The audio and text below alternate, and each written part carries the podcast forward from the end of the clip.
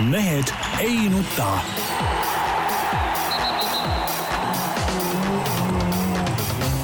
mehed ei nuta. selle eest, et mehed ei nutaks, kannab hoolt Unibet, mängijatelt mängijatele.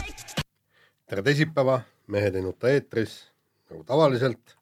Tarmo Paju Delfist, tervist! Peep Pahv Delfist Eesti Päevalehest, tervist! Jaan Martinson Delfist Eesti Päevalehest ja igalt poolt mujalt. on meil midagi enne spordijuttude juurde asumist ka midagi öelda olukorrast riigis või? ei oskagi nagu öelda. no õnneks mitte. tähendab, mul natukene, tähendab, ütleme niimoodi, et, et meil olid ju kõik need jaanipäevad ja mingid sõjaväeparaadid, meil oli vist, ma ei tea, kas see meie moosiriiul ka üks lennuk lendas või lennanud? ei, nüüd sa Jaan muidugi eksid, meil endal ei olegi mingid lennukid või võib-olla tõesti üks moosiriiul on, aga äh, mis see paraad oli siis laupäeval, eks laupäeva äh, hommikupoole ma käisin äh, natuke ütleme metsas äh, tuiamas äh, oma kodu juures seal ja siis just parajasti ma tean, et paraad hakkas, ma ei viitsinud seda muidugi telekast vaadata, sest et see Eesti lonkimine, see ei ole ju paraad, eks ole, paraad oli omal ajal Punasel väljakul, kus tikksirgete jalgadega mehed marssisid aga, aga siis just parajasti startisid Ämarist äh, helikopterid, kõigepealt väiksemad, siis natuke suuremad ja siis varsti ka lennukid ja need olid siis äh, kuulsad NATO, NATO äh, tehnika, millega me siis ennast siis võõraste sulgedega ehime sinna paraadile. ja, ja no selles suhtes sealt üle ikkagi lendas. ja, ja ka mina ei vaadanud paraadi, ma olin mere ääres ka samamoodi jalutamas äh, ja aga, aga, aga mis oli, ma ei mäleta, kes see kommenteeris äh, presidendi kõnet äh, meie võidupäeval, võidupühal.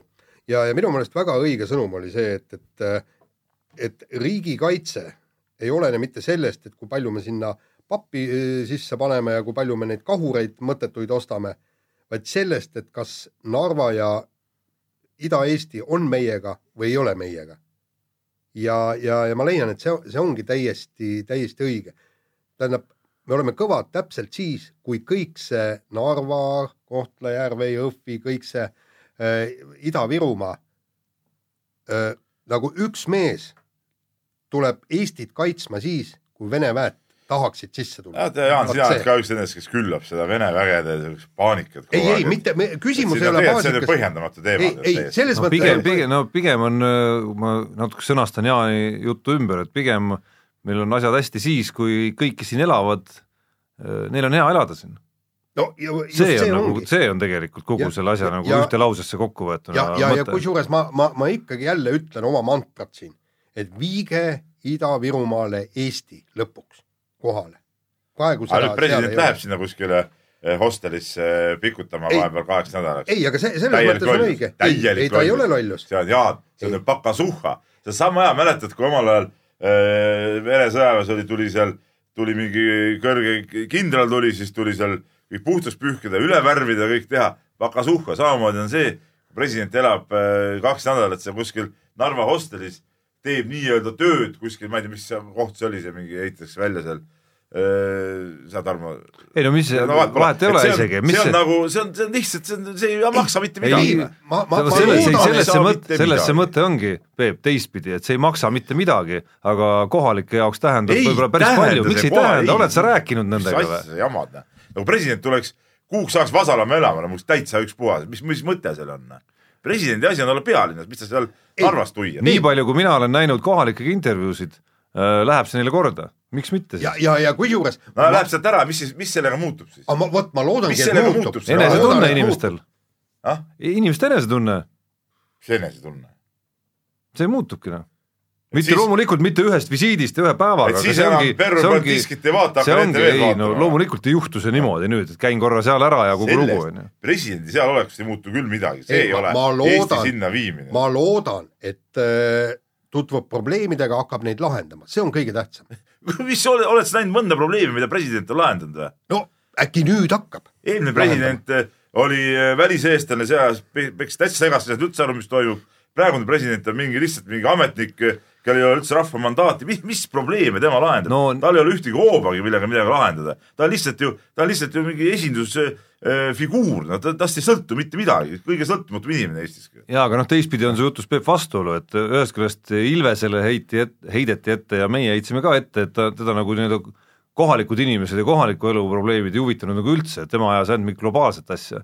et nüüd, nüüd sa, nüüd praegust presidenti justkui nagu huvitab, käib mööda Eestit väga palju, kusjuures käib ringi ja nüüd on jälle häda ei, mul mingit häda, aga sellest nagu tolku miks see sind häirib, noh, las, las ta, las ta teeb Mõtet, seda no., halba see ei tee küll ühestki otsast. tead, sellest presidendi koha üldse Eestis ära kaotama või tegema presidendi tõeliseks riigipea, kaks varianti. no põhimõtteliselt si siin ma olen Peebuga nõus ja, ja muidugi teine asi oli kõik see, jällegi jäi järjekordne möll kõik selle nii-öelda Lätis käimis, käimiste üle, siin olid, olid raadiosaated, kus vaieldi ja räägiti ja siis Marje Joosing jälle ütles, et, et et, et see on absoluutne totrus, mis, mis on seltsimehed Ossinovski ja kogu valitsus teinud, eks selle aktsiisihinna tõstmisel, et, et me kaotame tõesti miljoneid ja miljoneid, miljoneid, Peep, sina käisid ju ka Lätis. Lätis ja..., ma ei käinud otseselt nüüd piiri peal alkot ostmas, vaid mul oli väike paaripäevane puhkus nii-öelda Põhja-Lätis.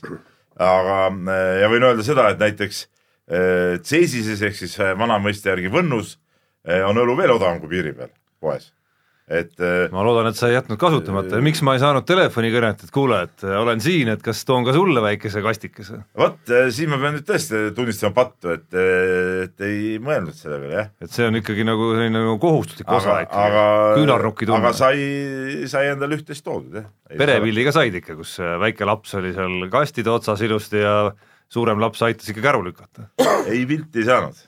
Küll aga võin öelda, et jah, Valmieras tõepoolest suur ehituspood Depo, soovitan kõigil minna, ehitusmaterjalid, eh, kõik asjad seal väga odavad, odavamad kui Eestis juba, olen siin hinnavõrdlusi teinud teatud asjades ja keset ehituspoodi on loomulikult ka siis ütleme alkoriiulid püsti pandud ja mitte ainult alkoriiulid, vaid seal olid ka konservid, juustud, kuivained, kohvi, eh, kõik asjad eh, väga soodsate hindadega. isegi leidsime sealt eestikeelse siukse väikse voldiku kus kutsutakse nagu Valmierasse shoppama, et seal on mingi kaubanduskeskus, saab mingid riided osta, on see ehituspood, kõik asjad. no ühesõnaga elagu meie sõber Ossinovski ikkagi. kiidame, kiidame. jah, et äh, alkoholi tarbimine läks ülespoole, nagu me teame, ja kusjuures ka roolijoodikuid võeti rajalt maha rohkem kui eelmistel jaanipäevadel seekord. vot, vot siin ma ütlen jällegi sõna sekka, tähendab, mida need numbrid näitavad, selles mõttes on ikka täiesti absurdne värk, eks, et, et meile öeldakse, et võeti kinni sada viiskümmend roolijoodikut, kõik aga paljusid kontrolliti? et millega me seda saame võrrelda, kas ees, eelmisel aastal kontrolliti täpselt samades kohtades ja, ja, ja sama palju inimesi või rohkem või vähem? Et ja, no seda me ei tea, kusjuures seda, seda me täna, seda me täna kusjuures uudiste toimetuses uurime just. nii, just, ja, ja teine küs-, teine küsimus on nagu kirjutati, et peeti kinni kolmkümmend alkoholi tarbinud alaealist, on ju, eks. no kuulge, see on ju täiesti naeruväärne, kas tõesti kogu Eesti peal oli siis kolmkümmend, kolmkümmend alaealist? ärge unustage seda, et oli parajasti ka eh, koolilõpupeod, ma tean siin ütleme ühes Eesti väikelinnas siin ka olid üheksanda klassi lõpupeod, kus ka Äh, vist tehti äh, mingi rapp, eks ole, et, et äh, noh, ütleme politsei muidugi teab ja saab neid numbreid ka vägisi üles ajada.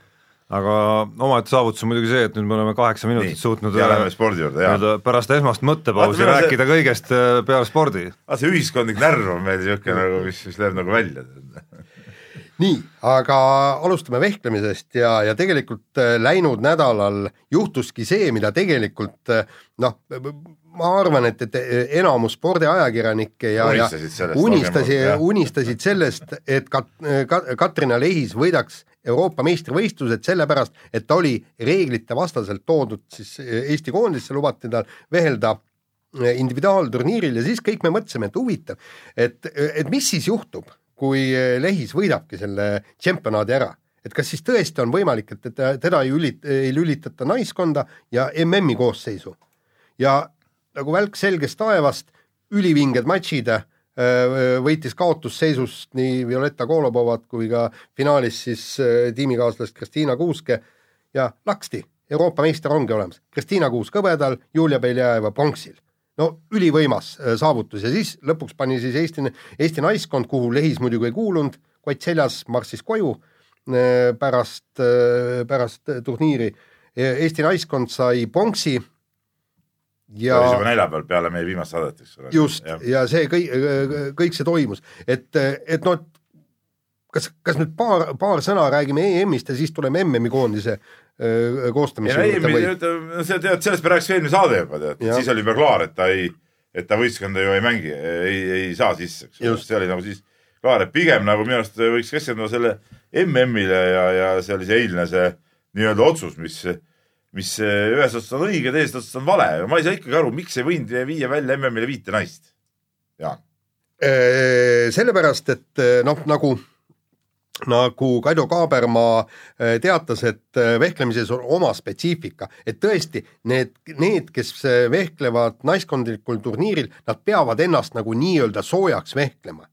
Ja EM-il oli ju viis naist. no tema väide, Kaido Ei. Kaaberma väide oli, et Irina Embrechi vehklemises oligi seda tunda, et Oli ta ei tunda, saanud just. individuaalis vehelda kas seda oli tunda või, või ei olnud, noh Eh,, ma arvan, et meie ei ole pädevad ütlema isegi. no ütleme niimoodi, et, et Riina Emrich kindlasti vehkles kehvemini, kui ta on äh, tavapäraselt vehelnud, ma ei tea aga siin on see keeruline lahendus, praegult jäi kirpu välja üldse. nii, nüüd oleks olnud, mina, kui mina oleks teinud seda asja, kõige loogilisem lahendus see, kirpu individuaali ei vehkle, kuna tema oli EM-i individuaalis ka kõige nõrgem. tema jääb nii-öelda siis nagu naiskonna võistluse jaoks, ütleme seal tal nii suurt rolli ka võib-olla ei ole, et, et oleks saanud Emmerich oma sissevehklemisega ära teha ja individuaali viimane langeb siis välja, kirp tuleb tema asemel äh, võistkonda, kõik väga lihtne.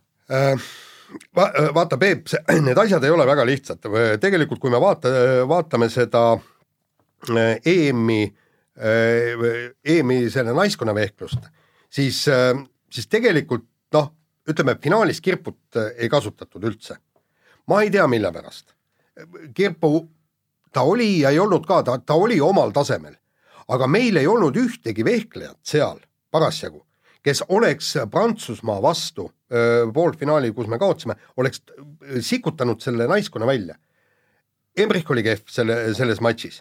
Ma ei tea, mis põhjusel, kas, kas sellepärast, et ei saanud individuaali vehelda või mis, kuigi ta öö, veerandfinaalis ju öö, Rumeenia vastu tõi lõpuks selle võidu. nii, ja, ja Kaabermaal oligi üks käik puudu et, et ei olnud ei Beljaev ega Kuusk ei suutnud tõesti, nad, nad vehklesid hästi kõik, eks, aga nad seda Emrichi saadud kaotusseisu tagasi teha ei su- äh, suutnud, nii. ja, ja nüüd, kui me paneme Lehise sinna sisse, Lehis näitas, et ta tegelikult oskab ju vehelda küll ja kaotusseisudest väga hästi öö, vehkleski. ja, ja, ja kusjuures sealsamas EM-il ta ju tuli kogu aeg öö, otsustavate torgetega, võitis praktiliselt kõik matšid, eks. ma, seda ma räägingi, et siis jääb, siis jääb ju teistpidi küsimus, Jaan, sinu Jah. kirjelduse peale, et kas äh, ikka nui neljaks võib-olla ongi Irina Embrich siis nõrgim tüli praegu? ei, aga ma- E- Emrich tõi ikkagi lõpuks ära need kaks võitu, pronksi matšis tõi ära ja veerandfinaalis lõpuks ta tõi võistkonnas, need ära. võistkonnas küll jah, kuigi ei vehelnud väga hästi. just, just ei oota, Jaan, sa ei vasta mu küsimusele, miks ei oleks võinud nii teha, et et individuaali viimane langeb välja, kirpu tuleb tema asemel võistkonda. ei, aga, aga kes see individuaali viimane, kui see individuaali viimane on Beljajeva, siis tähendab, ma ei ole kindel, et, et Kirp oleks suutnud ühtegi neist kolmest või no neljast võtta, kui asendada sa. ütled, et, et kõik on õige, no siis ei ole, Ei. millest me üldse räägime siin. ei, ei, aga ei no iseenesest jõuti ju lahenduseni, mida Jaan, vist sinagi siin oled ju ja, ja minu arust sina ka, et öelnud, et ki- et Kirpu nagu ongi nendest võib-olla seda küll, aga, aga lahendus on, ma saan aru, reeglite vastane ja see- seoses Kirpul on nagu õigus. Ei, muidugi on tal õigus. Õigus oli ja Irina- selles suhtes oli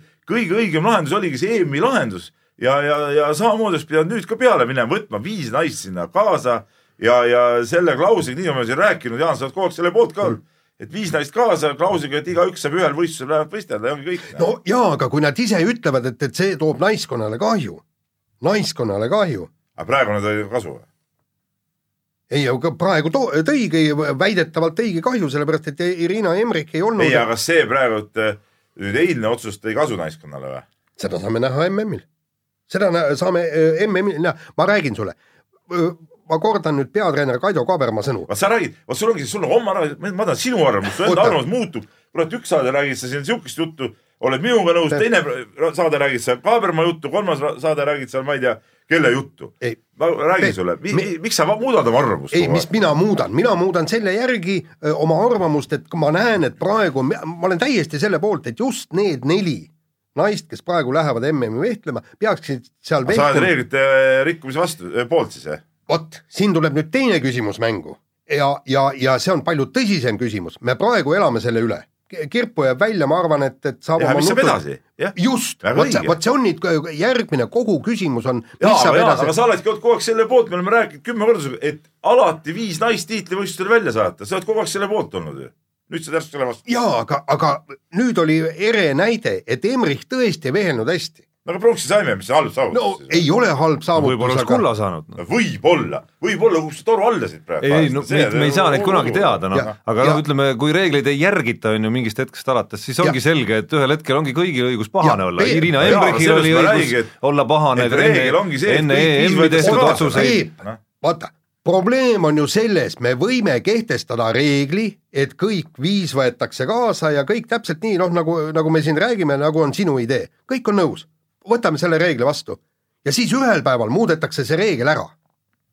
sellepärast, et seekord muudeti, see tõi kasu väidetavalt ja tõigi, me, me saime tänu sellele Euroopa meistri, eks, et reeglid ei kehti, ükstapuha, millised reeglid me ka ei kehtestaks kui need ei kehti, kui juhatus ütleb, et ei, vabandage väga, jah, meil oli reegel kehtestatud, aga nüüd me teeme niimoodi, et me ei võta viit kaasa Just-. juhatus peaks nagunii tagasi astuma, see on ju selge, nad oma soperdamistega, ega eesotsas presidendiga. ei, aga, aga samas on, mida nad soperdasid, nende otsuse tõttu või tagajärg me Ei, saime jaa. Euroopa Aga- meistrivõistluste kulla. aga, aga reeglid oli ju rikutud, noh. oli, vot see ongi see absurdne see olukord ja mina ei näe siin praegusel hetkel äh, ühtegi lahendust. ei, mina näen lahendust ei, no väga selge reegel. viie naise, viie naise saatmine ongi Ei, ainus ei lahendus., me ei, siin saab See igasugu loogikaid välja mõelda, küsimus on, et nendest tuleb kinni siis pidada, see ongi nagu ainus sellest lahendus on. kõige lihtsam kinni pidada, see ongi, ei no variante on veel võimalik mõelda, kui EM ja MM on nagunii tihedalt koos alati, siis ma ei tea, no üks nelik läheb EM-ile, teine nelik MM-ile näiteks, noh. igasugu reeglid on võimalik päris, välja päris nii jälle,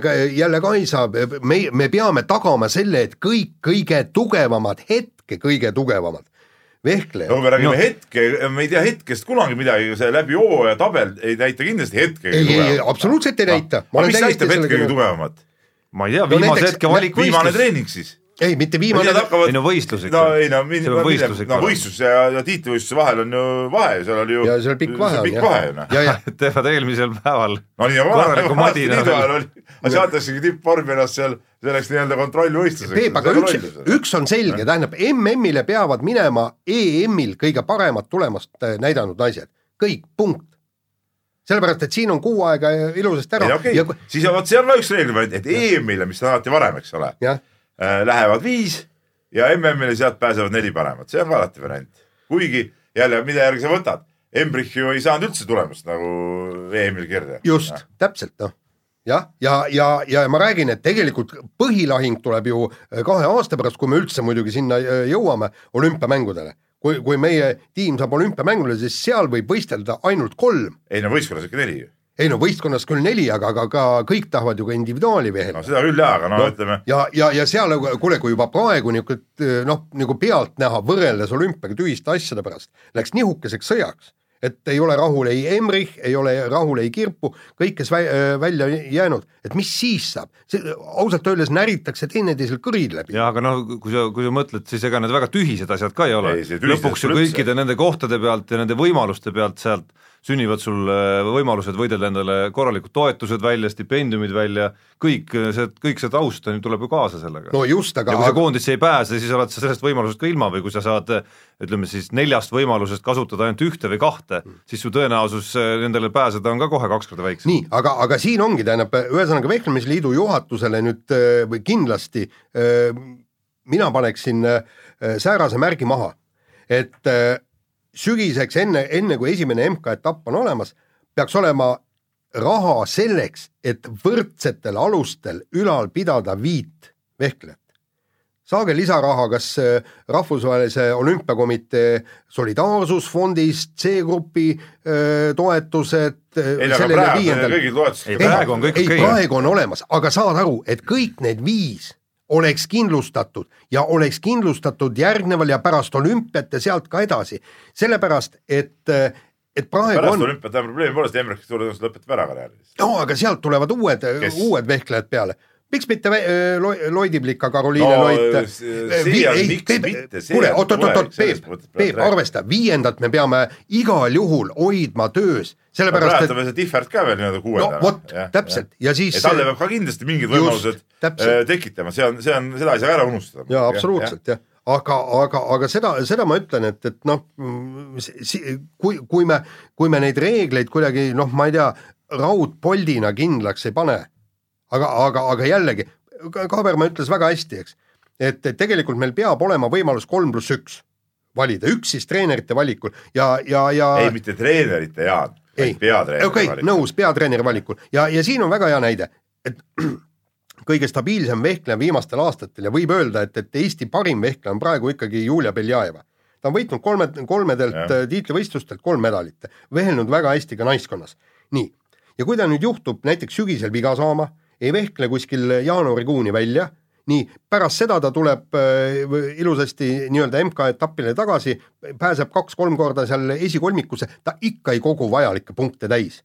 ja, ja me ei saa teda öö, äh, ju välja jätta ja vot see ongi see pluss üks. ja siis treener võtab jaa, aga selle sinu loogika järgi Leis ei olekski saanud võimalust ju. jaa, absoluutselt no,. aga see ei oleks ka õige sa oled ise ka aru. ei ole, vot no. seda ma räägingi veel kord, veel kord ütlen, kõige õigem ikkagi viis naist tiitlivõistlusele. Viis. nii on, jah. Vähemalt EM-ile, vähemalt EM-ile. jah, ja sa oled sellega kogu aeg nõus olnud. Ja, ja ära, ära pöörle sind nagu mingi tuulelipukesed. Noh. jah, et sellega ma olen nõus, jah, nii. Lähme järgmise osa juurde. Ja alustuseks räägime Ameerika jalgpallist ja Margus Hundist. Ja Hunt on kodumaal käimas, võttis kaks nädalat kenasti puhkust naise lapsega, tulid Eestisse, teine laps on tal ka, teine poeg on ka tulemas ja juba natukene muretses, et, et kui kaks rüblikut, esimene pidi tal ikka vägev mees olema, möllab seal toas ringi, et kui kaks rüblikut mööda maja ringi jooksevad, et see on paras peavalu. aga nagu selgub, et, et ta on kaalulangejaks, kaalulangetajaks muutunud. et tiim käskis tal kümme kilo maha võtta ja on nüüd niimoodi, eks, et mis ta oli, kakskümmend viis juuli, tuleb treeninglaagrisse, astub kaalule, kir-, allkirjastas kõik lepingu ja kui tal on ülekaalu, siis käib ilusasti raha välja, trahviraha, et, et peab nagu olukorda joonel hoidma, aga õlut lubas ta ikkagi juua, kuigi õlu noh, teatavasti kehakaalule, nagu me Peep sinu pealt ja minu poolt ei, vaatame no,. tegelikult muidugi kange alkohol on palju hullem kui õlu. ei, seda nüüd küll, eks, aga, aga ütleme niimoodi, et ja, ja lubab endale õlut ja just e eriti seepärast, et võrreldes Ameerika õllega on Eesti õlu ikkagi noh, suurepärane briljant no,. mees teab, mis mees räägib. nojah, eks Ameerikas müüakse muidugi muid õllesid ka siiski. no jaa, aga seal on ikkagi põhi, põhiliselt, kui sa ikkagi lähed, on see, oled sa seda nende äh, Budweiserit ja Life ja kõik, no, no see on täitsa uskumatu, kuidas inimesed niisugust asja juua saavad. no nii on. no nii on ka raske vastu vaielda jah, kuigi ega siis ega, ega meil ei maksa siin väga pilvedes olla, et Eesti on ainus koht ka, kus õlut tehakse, et kui sa mis iganes naaberriikidesse lähed, osatakse seal ka, lähed Lätti kas või ja midagi ei ole öelda, tuleb äh, müts maha võtta, lätlased teevad ka väga korralikku õlut. ja seesama nii-öelda alkoralli, mis siin nüüd äh, viimastel aastatel on lahti läinud, on äh, noh, ütleme aitäh siis selles mõttes, et on andnud võimaluse natukene rohkem ka Läti õlut maitsta näiteks äh,, neil on tõesti päris häid asju. keskendusingi Läti õllede varumisele, et et kuna mu Eesti enda äh, seda õlut seekord piiripunktis ei olnudki saada veel, kus ma piiripunktis ka pärast vaatasin, siis mul jäigi ainult Lätist ostetud nii-öelda Läti õllede peale seekord. jah, aga, aga see on ikkagi tõesti täiesti uskumatu, kunagi oli muide Eestis, ma ei tea, kas Peep, sina mäletad, oli kadakõlu ja, ja siis saarlased olid hästi solvunud, eks, et, et see oli nagu, vist Saaremaa õlletööstus lasi selle välja ja siis nad nagu ütlesid, et see oli paar kraadi lahjem kui merevesi oli.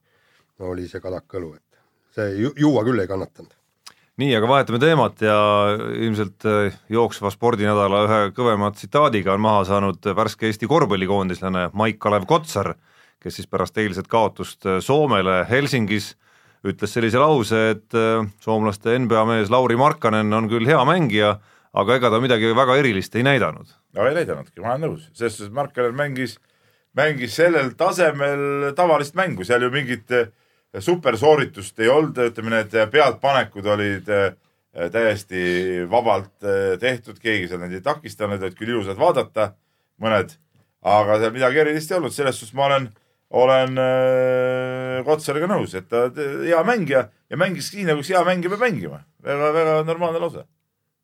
no ütleme, ma arvan, et ütleme, head mängijad teebki osaliselt erakordseks ka see, et nad justkui pealtnäha ei tee midagi erilist, aga siis lõpuks vaatad, et äh, just nagu tegid ikka päris palju. et no ta tegi palju, kakskümmend kolm punkti, kaksteist lauda. jah, mitte väga suure minutite arvu ja ilma väga suure nii-öelda nagu ütleme siis isekuseta. jaa, aga ütleme sellisest mängust äh, koguda tal kakskümmend kolm punkti ja kaksteist lauda, noh, seal ei ole tegelikult midagi, midagi siukest äh, erilist. aga kas keegi üldse tegi selles mäng- mängus midagi erilist? ei, no põhimõtteliselt siis niisugune tasapaksu lasti jah. no see oli, mängiti korvpalli. aga mis on korvpallis erilist? no ma ei tea, no mõni mä- mängija võiks ju esile siis tõusta. no kas või meie, no seesama Kotsar.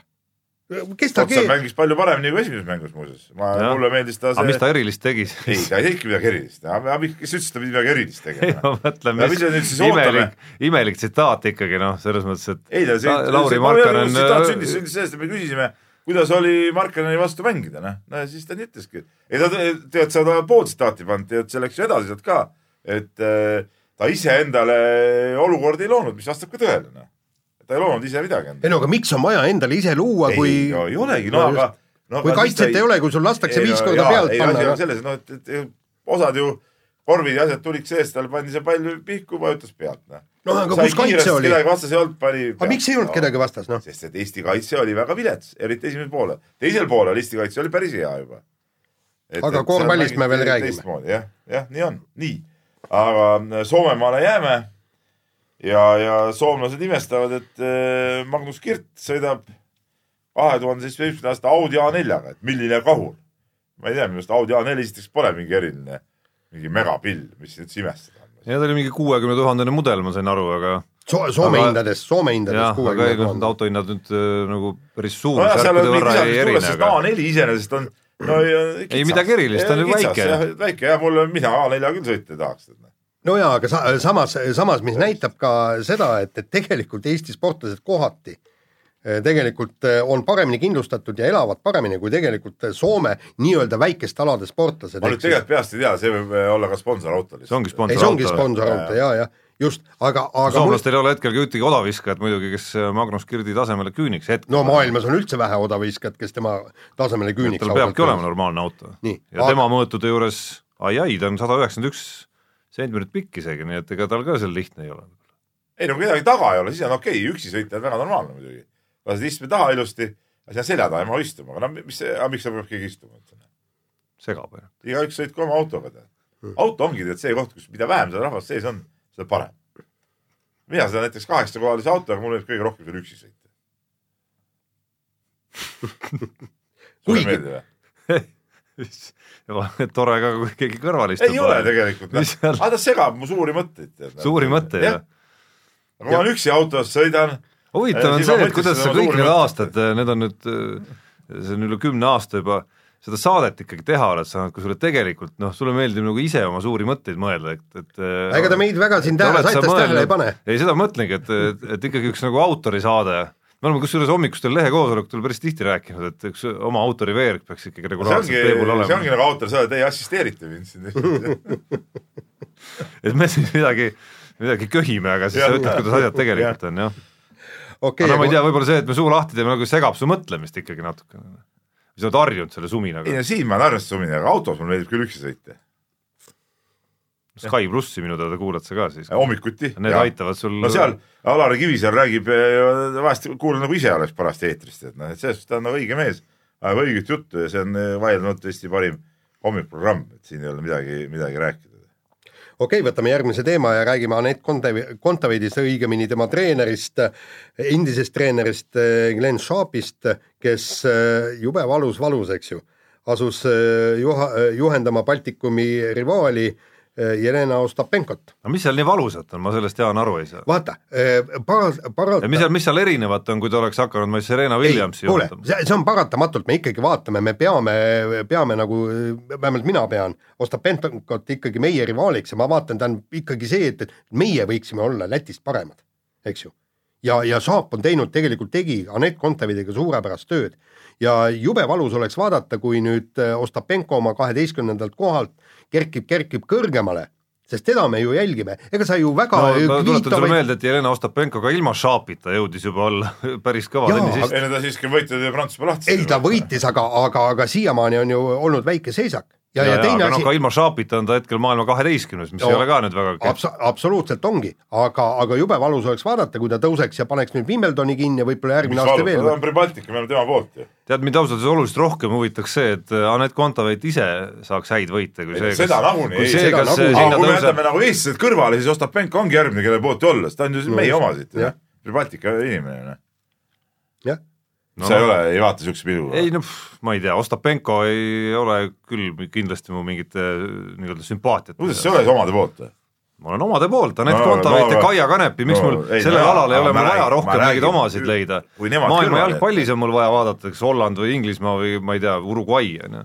Aga tennises, naiste maailma tennises ei ole üldse vajadust niimoodi mõelda. aga kusjuures ka Anett Kontaveit on ikkagi nüüd äh, uue treeneriga ka, kaks turniiri järjest esimeses ringis tappa saanud, kusjuures teinekord ma ei mäleta, kelle, kelle ta kaotas, aga see võitis lõpuks selle turniiri ära, et, et muidugi noh, ta kaotab ka väga tugevatele tennisistidele, aga aga ikkagi tahaks nüüd näha, Wimbledon hakkab, et, et seal ikkagi midagigi korda saata.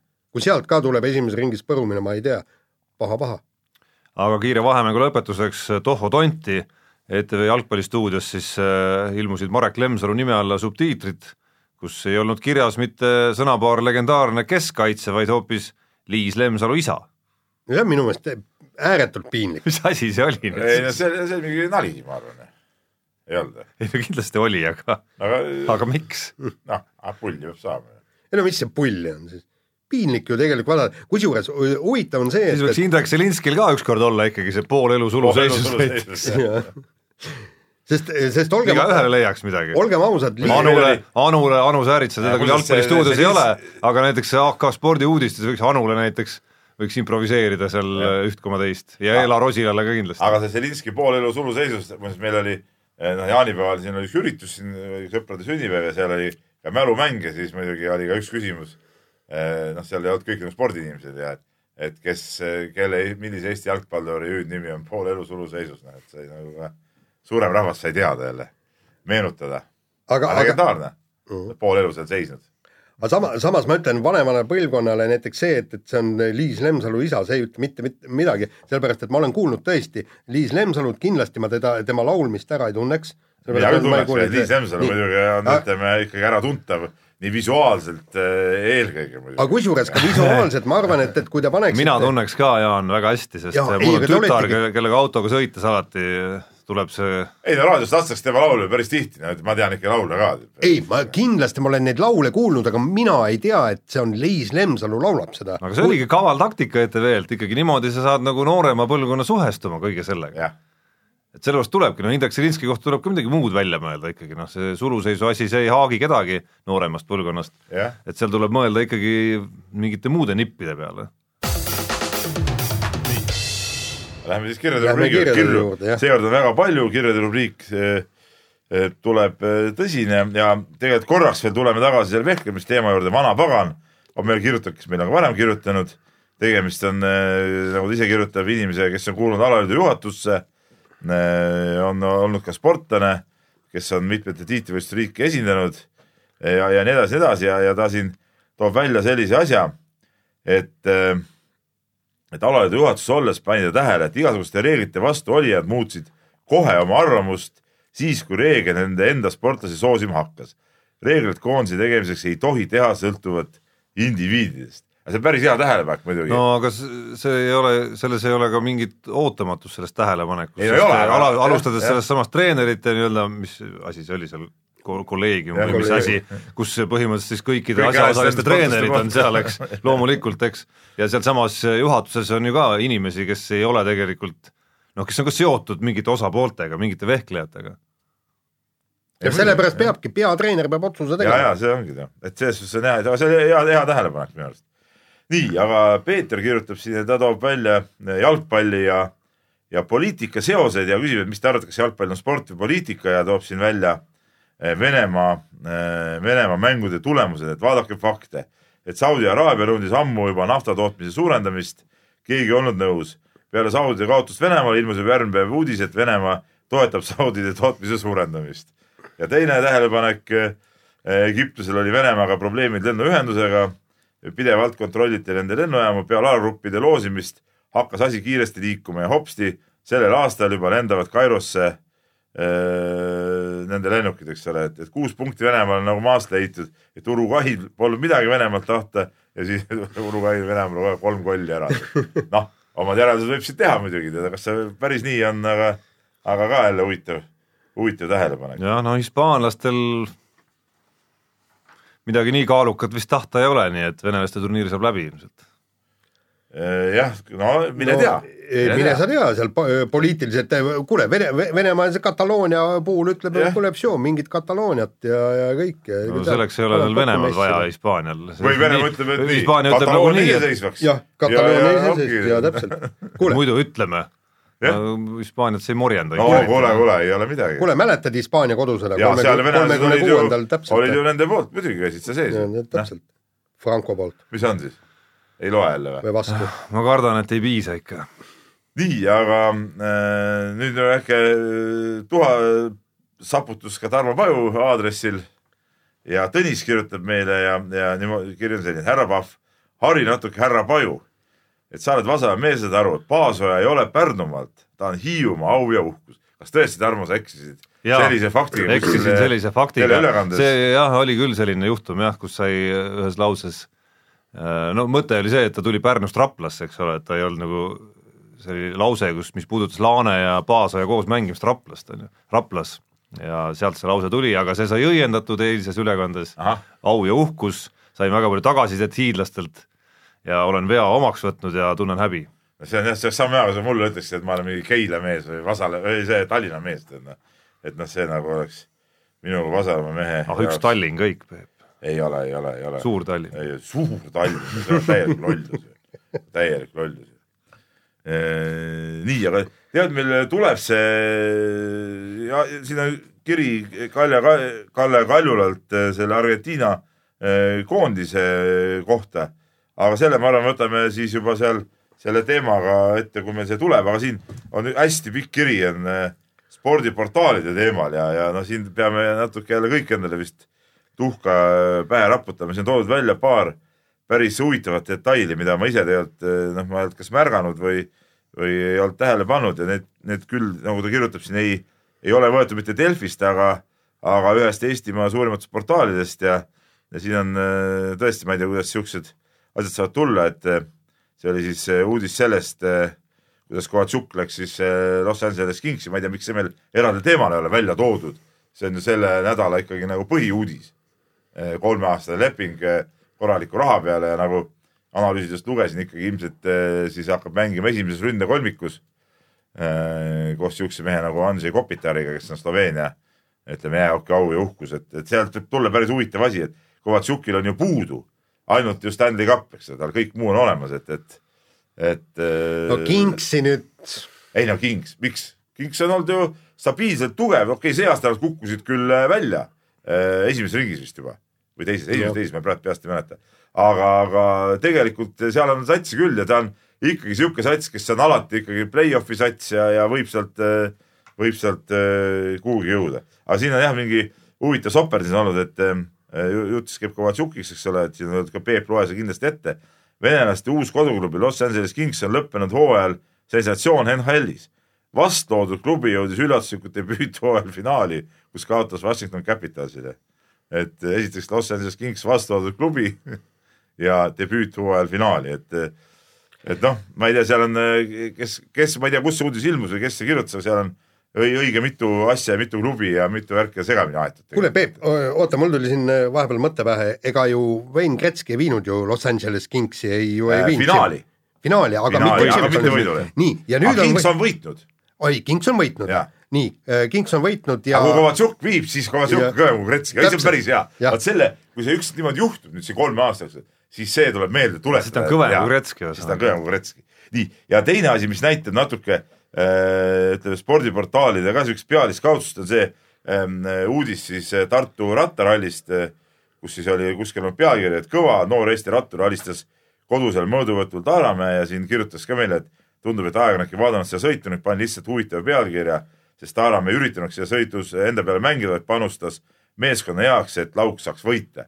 et no need ongi need siuksed ja siis ta lõp- lõpuks ta küsibki siin, et, et olete siin palju rääkinud paberlehe portaali erinev- erinevustest kuid kas internetiportaalidest avaldatud peaks olema ka mingi minimaalne kvaliteet või võiks tänapäeval töötada sporditoimetuses inimesed, kes ei tea spordist midagi või lihtsalt tõlgivad uudiseid. eks see natuke probleem muidugi on, eriti no ja me oleme näinud ka nooremaid ajakirjanikke, kel tõepoolest ütleme seda tausta on nagu vähe ja, ja tegelikult tööd, tööd sellega tuleks teha, et me peame siin oma tsunftile ikkagi seda, seda tuhka pähe jaa, raputama. aga, aga Pe- Peep, ma just eile, eile just mõtlesin, meil on ka üks noor suvetoimetaja, kes teeb päris head Päris tööd, päris head tööd, aga aga ometi mina pean te- tegema ka mõned uudised, millest, millest ta tõesti mitte midagi ei jaga, sellepärast et ta, ta ei, meie jälgime näiteks äh, iga hommiku, mul on poolteist tundi, ma kulutan selle peale, et vaatan kõik no vaata läbi mingid omad kindlad kohad, mida sa vaatad. jaa, absoluutselt, noh, seal näiteks see vormel, vormel kolm, eks, et, et seal peab teadma tausta, kes on Vips, et ta on kollanokk, eks, Ralf Aaronid, kõik niimoodi, et mille pärast see on tähtis, et ta seal võitis ja teine ja kuhu, et, et on olemas kollanokkade karikas ja kõik nii, et, et tegelikult et tänapäeval ei ole noortel meestel seda, et nad tunneksid sporti algusest kuni lõpuni, nagu meie lugesime spordilehe otsast lõpuni läbi ja kõik teised kõik, spordiuudised. kõik alad, eks ole. kõik alad, absoluutselt, jah ja.. et see on see probleem, see on see probleem, nii, aga lähme, lähme nüüd muude asjadega edasi, lubame ennast parandada, et siuksed lollusi ei tee, kuigi need näited ei olnud nagu meie äh, konkreetselt, aga no ikka. no eks meilgi eks meil juhtub eks ka, meilgi need eks meil juhtub ka igasugust, ütleme sitta ja sodi sinna sisse, et ega siin ei ole midagi öelda.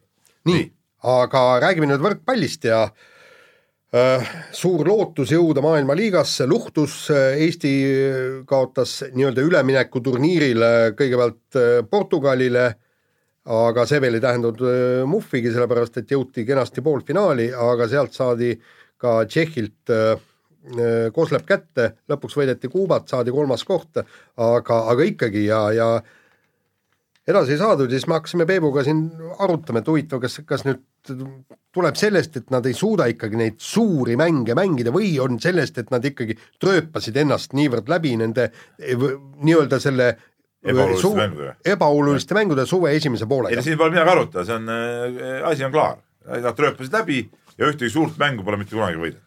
no väga lihtne, ehk siis Jah., ehk siis jah, mõlemale nii-öelda oletusele. mõlemale oletusele jah, ja minu jaoks täiesti arusaamatu oli peatreeneri äh, jutt peale seda äh, poolfinaalis saadud kaotust vist või, või, või oli, jah, oli vist peale poolfinaali saadud kaotust, kus ta minu arust ta juba enne või rääkis. ta enne veel rääkis. poolfinaali pole olnud. jah, enne poolfinaali oli see jutt ja, ja kus nagu, et ei osata hinnata ja nii ja naa, et mingisugused noh, mis asja, no mida me rõõmustame siis lõpuks selle, et võitsime Kuubat, kus mängisid mingid äh, alaealised poisid. ei no noh, ma ei tea ka, kust see jutt tuli ja mille pealt muidugi see jutt tuli, et, et ma üldse ei ole märganud mingit teematki kuskil meedias või no, miks siis meiegi oleme siin olnud nagu kriit-, meiegi Ei no seda ütleme rääkisime sellel- siin ka meie näiteks oma saates. sellel ajahetkel- et, äh, ei, rääkisime ka eelmine, kas eelmine ülemine saade, et et vastased ei ole nagu nii kõvad ju tegelikult olnud siiamaani, noh. ja, ja aga noh, keegi pole kuskil nagu mingit erilist nagu kriitikanooti kuskil isegi üles visanud, et et ma arvan, et osatakse hinnata ikkagi ja kõik saavad aru, et et võrkpall on, võrkpallikoondis on ikkagi üsna erandlik koondis kogu meie pallimängude koondise seas. Et tuleks ühest küljest ja ma arvan, et osatakse ka hinnata seda, et me juba üldse noh, mis oli boonus, et me üldse alagrupist edasi saime, kus oli iseenesest sees Belgia, keda võib-olla ei peaks edestama No ja, ja sealt edasi ja sealt edasi aga Vaata, Tarmo, sa tood ise selle Belgia, oota, oota, noh. ei, ma tahtsingi sinna jõuda, on ju.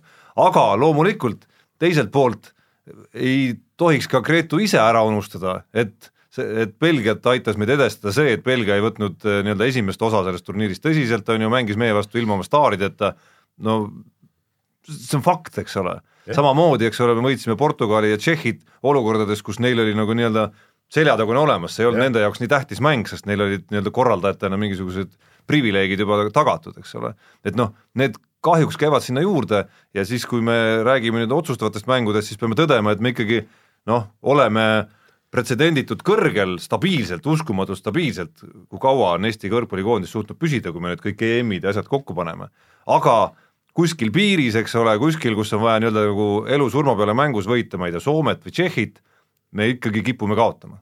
kipume vaid kaotamegi, teine asi on see, mis on nagu võib-olla see Eesti võrkpallikoondise või Belgiat elu ja surma mängus. mis on Eesti võrkpallikoondise häda või, või ütleme, võib-olla natuke valesti on tehtud või no see ei ole ka õige, et valesti tehtud, eks nad ise otsustavad, kuidas nagu õige aga, aga tänu millele me oleme tihti võidud saanud, ongi see, et teised koondised ei mängi kõiki neid turniire oma maksimum äh, meie aga panustame kõikidesse nendesse mängudesse oma põhikoosseisuga, kes meil parajasti olemas on.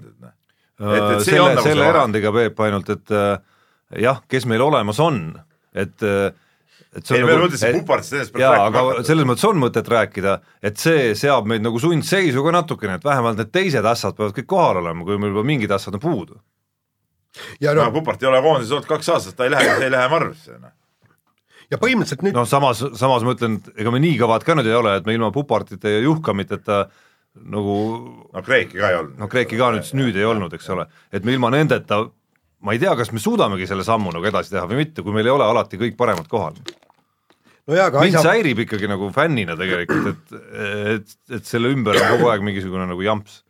Asja paneb paika ikkagi tiitlivõistlus, kus kõik on äh, kohal oma parimate meestega ja mängivad elu-surma peale, ehk siis äh, esmalt me peame järgmisele EM-ile saama ja tase, taseme näitaja oleks see, et, et me jõuaksime veerandfinaali ja võitleks tõsiselt poolfinaali koha eest. see oleks järgmine samm, aga muidu me oleme kogu aeg ühel sellel samal tasemel, edasiminekut justkui ei ole.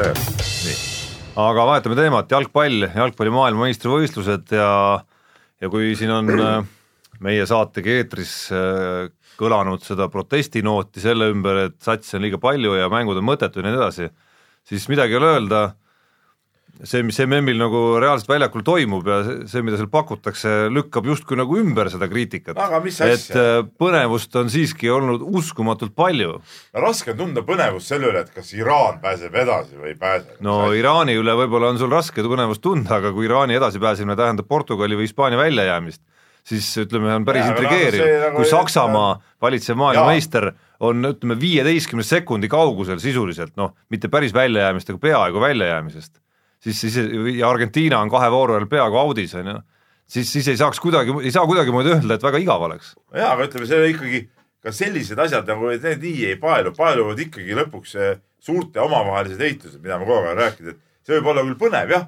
hetkeks on põnev, aga see ei ole nagu see, mis, mis paneb mind nagu MM-i nüüd meeletult äh, vaatama, mind paneb vaatama ikka see, kui mängivad suured omavahel ja siiamaani on olnud ainult paar sellist mängu MM-il, mida, mis on olnud nagu minu jaoks nagu olulised mängud, eks ole, ütleme, esimene oli Hispaania-Portugal, noh, teine mäng võib-olla oligi see Saksamaa-Rootsi näiteks üks sihuke mäng, mis nagu, mis mind nagu ka puudutas või paelus, aga see, kui mingi, mingisugused noh, minu silmis noh, tundmatud eh, võistkond, okei okay,, ma saan aru, jalkamehed teavad, et täna hommikul ei no mina Peep, ma Peep, ma Peep ei ole jalkamees, nagu sa tead väga hästi, Aga ütleme, see paelus vägagi kuidas Portugal ja Hispaania eile oleks võinud välja no jääda ma. vaatasin ka, tulin sealt eh, Soomest laevast tagasi, vaatasin seda Hispaania mängu, aga no ütleme, see oli ikkagi selline, et noh, ma nagu vaatasin seda, vaatasin samal ajal blogis seda teist seisu, aga noh, ma ei tundnud nagu mingit null erutust oli selle asja juures. jah, aga, aga vaata, siin ongi täpselt see, et, et me ju rääkisime ka selle Madis Kalvetiga just selle Iraani, Iraani kohta, nagu ta ütles, et et kui üks meeskond pargib kuus kaitset,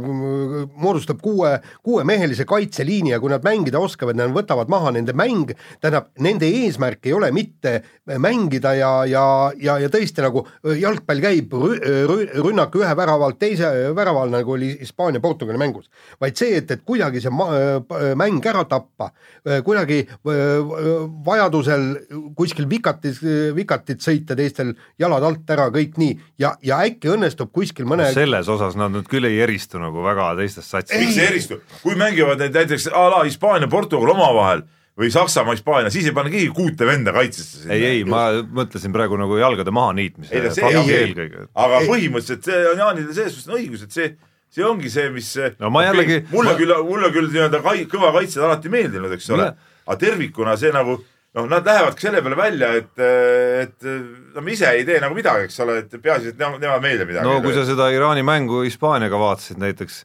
siis nägid, et väga vähe jäi puudu sellest, et nad oleks ise Mingi teinud nii palju, et Hispaania oleks kaotanud isegi selle mängu. et see, et see ei pea nagu päris paika ikkagi, et neil oli suutlikkust ise korraldada ka üht koma teist ja mina pean olukorrad tekivad ikkagi standardolukord. ja mina pean ütlema kusjuures, et et see oli ka üks selle MM-i nagu ägedamaid elamusi tegelikult, vaadata, mismoodi vaadata, mismoodi, ma ei tea, kas sa vaatasid, sa ei vaadanud ma räägin, ma vaatasin seda Velja Rabas. ei, ma räägin ah. Iraani-Hispaania mängu. Selles Iraani, teises, teises voorus et äh, minu arust oli see väga suur elamus vaadata, mismoodi see nii-öelda suur staaride nagu kamp, no ei suudagi sellest kaitsest jagu saada ja see, kui hästi, ega see kaitse ei ole nii, et tõmbame kümme meest taha, me võime ka kümme meest, kümme spordiajakirjanikku või Eesti koondis võib ka minna no, kümne jaa. mehega sinna mängima ja ma ei ole kindel, et tulemus on sama, mis Iraanil. Iraani koondis ei huvita, saad aru, ei huvita, no ei hakka ei kunagi huvitama. Peep, aga, aga sellepärast ongi tegelikult noh, et see, see oleks täiesti totter olnud, kui oleks see ju edasi pääsenud. loomulikult see oleks olnud totter, noh, siukest edasi saab. ja siis hoiadki pöialt, et no, Hispaania ikka ka võidab. seepärast, et ainult suured saaks edasi ära gruppida. kuule, aga ma, ma, ma ikka ei kujuta ette, mis, mis juhtub siis, kui nelikümmend kaheksa satsi ikkagi sinna tuleb. kui me Ja vaatame, ju kui me vaatasime Inglismaa ja mis see oli, Peruu vii, viimast mängu, see oli täitsa kohutav. Ma arvan, ma ei ole nii vähe tegelikult tervikuna MM-i vaadanud. kui jah see. aasta pole ma MM-i vaadanud vist üldse oma elus mitte kunagi. sest et see liiga palju on siukseid satse, mis mind absoluutselt ei huvita. okei okay,, no minu, minu puhul ei pea see paika, aga aga okei okay,, me oleme sellel teemal jahunud päris palju, lihtsalt need, see, lihtsalt see stsenaarium, mida see MM on ikkagi pakkunud, andis vähemalt mulle põhjuse see teema korra nagu üles võtta veel. Aga noh, aga mis stsenaariumid siin on, kõik saavad ju edasi, kes peavad saama. no Argentiina on veel ainsana. Jaa, täpselt. täna, täna õhtul on ikka äge, äge andmine hakkab pihta. nii, mehed, aga nüüd siis korvpall, Eesti mängis Soomega kaks mängu ja Peep käis kohapeal, Tarmo kommenteeris. rääkige, mida äh, nägite, kas Eesti korvpall on tõusuteel või, või supleme ikkagi veel selles samas nii-öelda mudases vees ilma lootuseta? ei no vaata siin selle koondise kohta öelda, et supleme mudases vees nagu ei saa nagu ükspuha, mis see resultaat on, isegi kui nad saavad äh, tappa nüüd ka siin MM valikturniiril kolmekümnega Suurbritannialt ja viiekümnega Kreekat, et, et äh, sellele koondisele on väga raske nagu mingeid ootusi panna tegelikult, noh. et äh, ainuke ootus, mis minul nagu sellele meeskonnale praegu on, ongi see, et nad äh, et nad äh, võitleks, võitleks eelkõige kaitses, mängiksid äh, kaitses äh, agressiivselt, nii nagu nad eile natuke, okei okay,, see oli noh, see mängude tulemus ei olnud keeruline oluline, aga teisel poolel nad ikkagi mingitel hetkedel suutsid äh, Soomet survestada. noh, need olid nagu mingid helged hetked nagu, et, niimoodi nagu peakski mängima, aga selge see, et nad jälle, et nad ei ole võimelised nelikümmend minutit muidugi niimoodi mängima, see on, see on ka nagu, nagu selge. et mul nagu mingeid suuri ootusi selle võistkonna suhtes ei saagi olla nagu, ei saagi olla no esimene sellepärast sa räägid ka mingisse mudasse minekust, et see on väga, väga, kuidas ma ütlen, eksperimentaalkoondis, eksperimentaal, mis, mis peab aasta-kahe pärast olema siis juba nagu ütleme täisjõus. aga praegult pan- ühtegi kohustust neile peale panna ei ole võimalik. Äh, jah, no üldjoontes nõus, et esimene mõte, mis neid mänge vaadates ja, ja natukenegi siin äh, viimasel ajal jälle nende mängude tõttu nii-öelda rohkem saalis käinuna ja inimestega rääkinuna tekib, on ikkagi see, et äh, mida mida ma olen siis saates korra öelnud ka juba, et, et noh, ikkagi üks aasta liiga vara minu arust käi- käis see nagu see eksperimentaalkoondise peale üleminek ära et, et minu arust ei olnud see praegu õige hetk, kus, kus lasta, ütleme vanaks, et nagu rahulikult kõik nagu kõrvale jääda, vähemalt selleks korraks, seda enam, et see suvi, suvine tsükkel nagu on oluliselt kergem, kui ta siin mõnel, mõnelgi varasemal suvel on see olnud. on ka kahe otsaga asi. suvine tsükkel kergem, mõnes mõttes küll, et kaks mängu ainult ja nii edasi. aga ta on kõige idiootsemal ajal, kui üldse olla saavad need mängud. no sõltub kelle jaoks, päris paljudes kohtades ikkagi kestsid hooajad ju juuni keskpaigani. ja ma olen nõus, tippriikides küll, aga meie mõttes on see kõige idiootsem aeg, sest sul on piisavalt palju aega möödas juba oma mängude lõpust, eks ole, siis hoida kuu aega veel vanadel meestel seda vormi, noh, päris No keeruline. siis tekib küsimus- puhata, siis eh, kaheks mänguks hakata uuesti ennast üles ajama, noh, see nagu on, tegelikult see on nonsense Aga, võib-olla- kui, kui tehti nagu need, need nii-öelda need aknad, eks ole, ma küll ei saa aru, miks üks aken siin juunikuus, see on ju juuni lõpp, juuli algus, see on, see on täiesti nonsense. no mõte ongi selles, et tippliigade mehed siis tulevad täpselt sujuvalt oma hooaja nagu lõpu pealt, on ju. aga, aga okei okay,, see selleks, et, et noh, ikkagi aina rohkem kostub neid signaale ja seda ei öelnud mitte ainult Andres Sõber, vaid on rääkinud inimesed ka omavahel, et et ütleme, hea tahtmise ja suhtlemise korral oleks, oleks saanud ikkagi ma Kanguri ja. Taltsi ikkagi Muidugi. nagu veel ära värvata, Sten Timbusoku kindlasti samamoodi noh, natuke imelik on isegi kuulda, et, et seda väsimuse juttu, kui näed, et siin soomlastel kolmekümne ühesed Kobonenid on seal väljas, on ju, ja nagu ei, ei kurda nagu selle asja Sokol oli küll ka väike vigastuse teema, kui mäletad, sai kirjutatud, aga noh, ma usun ka, et need kaks mängu oleks saanud ära teha. just, et noh, lihtsalt mõeldes selle mängu nagu kaalule, et siit edasi mängid veel need viima-, no ütleme, teedki need kaks viimast veel ära eesmärgiga, et hoida nii-öelda meid seal nii-öelda MM valiktsüklis nagu edasi, on ju, ja, ja nagu selles mõttes piisas ühest mängust. jah, üht tegelikult, tegelikult ongi ühte võitu kahest vaja, on ju. et võib-olla Suurbritanniaga Suurbritanniaga hoiad asja ära ja siis võid Jah, loobuda juba jah, näiteks näiteks või- võid ka nii teha. et noh, natuke on mul kurb endiselt nagu selle üle, jah, seda koondist, uut koondist on muidugi nagu iseenesest nagu äge vaadata, tore on näha, et eh, mingid tüübid, kes on siin välismaal olnud, on ilmselgelt sirgumas päris headeks korvpalluriteks. pean silmas siin nii Kristjan Kullamäed kui ka Sander Raiestet näiteks.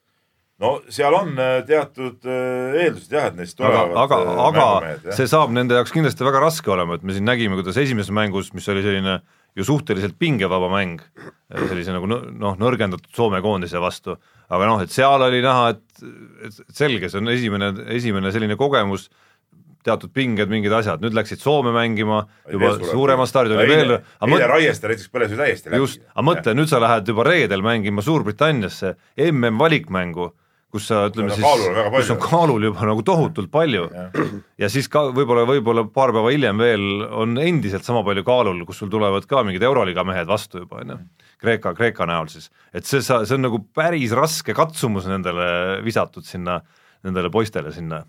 on päris raske katsumus ja tegelikult äh, ähm, arvestades seda koosseisu niisugust nagu uudsust äh,, on selge see, et selle kahe mänguga siin midagi ju paika eriti ei loksunud, okei okay,, mingisuguse ülevaate siin treenerid said ja võib-olla mehed said ise ka mingisuguse tunnetuse platsi peal, aga et nüüd rääkida sellest, et see meeskond mängib nagu meeskond ja ja, ja saaks platsil üksteisest aru, no seda, selle kahe mänguga kindlasti ei, ei juhtunud ja, ja, ja see on nagu tegelikult kõige suurem murekoht, et, et, et kui noh, seda tõi ka Siim-Sander Vene äh, välja, eks ole, et, et kui trennis teed mingeid asju, seal tulevad äh, asjad välja, aga mängus, kui on ikka päris kaitsevastas, siis asjad nii ei tule välja ja, ja ja, ja see ongi see probleem, eks, ja siis ei oska noored mehed võib-olla seal ka improviseerida, satuvad segadusse ja, ja see lõhubki selle mängu täiesti ära.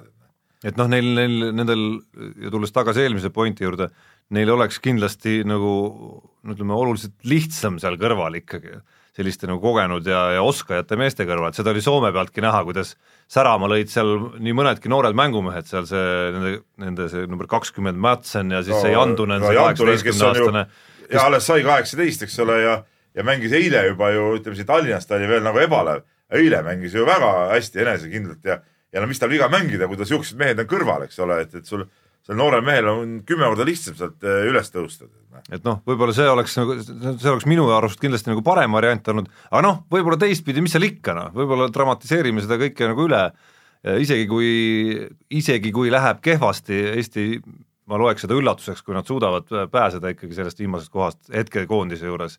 isegi kui äh, üllatust ei juhtu, mis seal siis ikka noh, õnneks ei ole see uus süsteem, mis nüüd äh, kehtima hakkab, ei ole enam selline nagu vanasti, et kui sa kukkusid B-divisjoni näiteks, siis sa justkui nagu kahe tuhande, oletame, kahekümne esimese aasta Euroopa meistriks sa ei saanudki tulla, sest selle tsükli sa veetsid seal allpool. nüüd on ikkagi see, et sa hakkad lihtsalt nagu varem mängima seda, saadki võib-olla lõpuks rohkem mänge näiteks, no mis seal ikka siis. et igatahes teisest küljest on nagu seda kampa päris äge vaadata, et seal tõesti äh, on seni, ütleme siis, kulgenud see iga, mis on seal nendel mängijatel, kellel puhul oled oodanud tükk aega juba, et kuidas, kuidas nad siis meeste hulka tulevad, et on näha, et see iga siin kuskil kuusteist kuni üheksateist on seal päris mitmel poisil kulgenud ikkagi päris positiivselt. no on no, mitte küll kõigi kohta sa, ei saa seda nagu, öelda. nagu väga siin nüüd ka nagu hoos nagu natuke, et, et jah, ütleme, ma ütlen, et, et on, on seesama Kullamäe Raieste näited on suhteliselt positiivsed. samas ameeriklaste, samas ameeriklaste kohta ja. ei saaks öelda, et väga Oot, suur vaimustus ja siin hakkavadki need murekohad nüüd pihta, eks ole, et kõik ootasid ja rääkisid kogu aeg, et Kotsar ja Nurger tulevad, teevad või võtavad seal kohad üle ja nii edasi. okei okay,, Kotsar eh, noh, oma kuidagi nagu selle võib-olla jõu ja, ja selle kuidagi aktiivsusega noh, on kuidagi enam-vähem nagu välja mänginud, eks ole, ennast. samas äh, Nurger, no minu jaoks on selle suve kõige suurem küsimus, mis Nurgerist saab üldse, kuhu ta üldse mängima saab, eks ole, sellise, sellise tasemega nagu, nagu tal praegu on, et mingist Euroopast rääkides ikka väga, tõesti väga, väga võimas agent peab olema, kes suudab ta kuhugi Euroopasse maha müüa. no iseküsimus on, kas üldse see ongi mõistlik, et võib-olla pärast seda, kui ta on neli aastat olnud nagu ütleme, väga väikeste minutitega noh, nagu nii rollimängija kui üldse olla saab, eks ole, kelle, kelle kätte palli nagu nii-öelda noh, ei anta sisuliselt. võib-olla tal olekski vaja, ma ei tea, Raplas mängida no jaa, aga kas ta Raplas oleks, kas ta Raplas saaks kolmkümmend no, minutit? ma ei mõtle Rap-, no ükskõik, mis Eesti klubis, on ju olla mängija, kelle käest pall ka natukene läbi käib, võib-olla tal olekski vaja seda. ei, seda kindlasti jah, aga, aga nüüd ongi see küsimus, et, et milline Eesti klubi on. Äh, selge see, noh Kalevisse ei ole variantigi pääseda. ei no ma arvan, et Kalev ei ole ka kõige mõistlikum ei ole, ei olegi, ma räägin nii, nüüd ongi need Rapla, noh, mis ambitsioon neil on ja, ja kas ta seal saaks väga palju aega. edasi tulevad juba need siuksed noh, a la noh, Pärnus ta kindlasti saaks muidugi palju mängida aga jälle palju, palju ta siin areneb nendes siukestes satsides jälle noh, see on jälle omaette, omaette küsimus, no Pärnu oleks minu arust päris hea no olukorras, kus me oleme Eesti-Läti, olukorras, kus Eesti-Läti ühisliiga on tulemas, ma arvan, et see võiks täiesti okei. Okay., mulle tundub, et see on kõige rohkem see, mida ta vajab, ta ei vaja seda, et ma ei tea, minna kas, ma ei tea, Poola või ükskõik mis liigasse, kus legionärina ootused on hästi kõrgel tema osas, siis võib-olla ta ei vea neid välja seal ja kuidagi see karjäär läheb mingisugusesse veidrasse nagu mustrisse kohe kuulge, mehed, lõpetame nüüd selle korvpallijutu ja lähme meie töö korvpall on väga huvitav jutt kusjuures. kõik klaar, sest need mängud on ju reede ja äh, esmaspäev. Lähen isiklikult kohale Suurbritanniasse. Šotimaale kusjuures. no Šotimaale jah, Glasgow's toimub mäng ja, ja siis esmaspäeval kodus Kreekaga, noh, tulge vähemalt Kreekat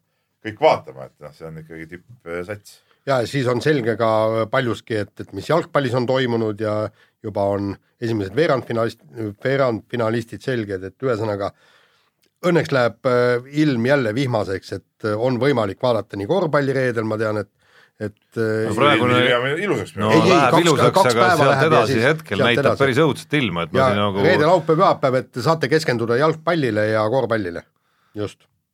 jah, ma no ma eelistaks siiski ilusat ilma. ärge unustage, laupäeval muidugi tähtis üritus, Ott Tänaku rallipäev mida peate kõik külastama. just. kohustuslik. kohustuslik, jah. nii, ja sellega on saade läbi ja kuulake mind nädala pärast. mehed ei nuta.